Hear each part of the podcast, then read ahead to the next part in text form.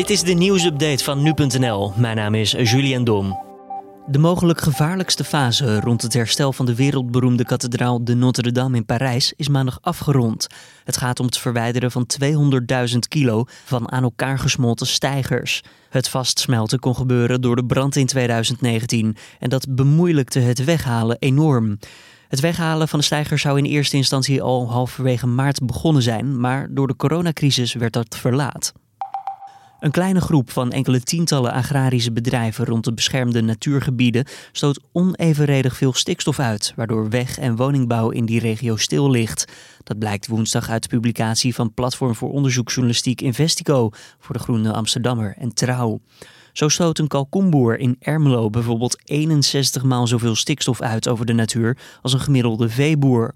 Dit bedrijf met 24.000 kalkoenen zorgt jaarlijks voor meer stikstofneerslag dan de landelijke snelheidsverlaging tot 100 km per uur heeft opgeleverd. Het Schotse parlement heeft unaniem ingestemd met een wet om tampons en maandverband gratis beschikbaar te maken. De maatregel is nodig vanwege ongesteldheidsarmoede, waarbij vrouwen en meisjes door geldgebrek niet kunnen beschikken over deze basale hygiënemiddelen. Zo'n 10% van de mensen die menstrueren in Groot-Brittannië heeft geen geld voor deze producten. Dat werd in 2017 duidelijk middels een landelijke enquête. In totaal kost de maatregel de belastingbetaler jaarlijks ongeveer 27 miljoen euro. Een automobilist is dinsdagavond doorgereden na een dodelijke aanrijding in de Gelderse plaats Weigen. Daarbij kwam een 42-jarige voetganger uit diezelfde plaats om het leven. De vermeende bestuurder is later op de avond als verdachte aangehouden in het nabijgelegen Beuningen, al dus de politie. De politie doet ondertussen verder onderzoek naar de aanleiding en het motief van de aanrijding. Inwoners van het Verenigd Koninkrijk mogen van 23 tot en met 27 december met in totaal drie huishoudens samenkomen vanwege kerstmis. Er wordt benadrukt dat deze samenkomsten alleen mogen plaatsvinden bij mensen thuis, in gebedshuizen of buiten.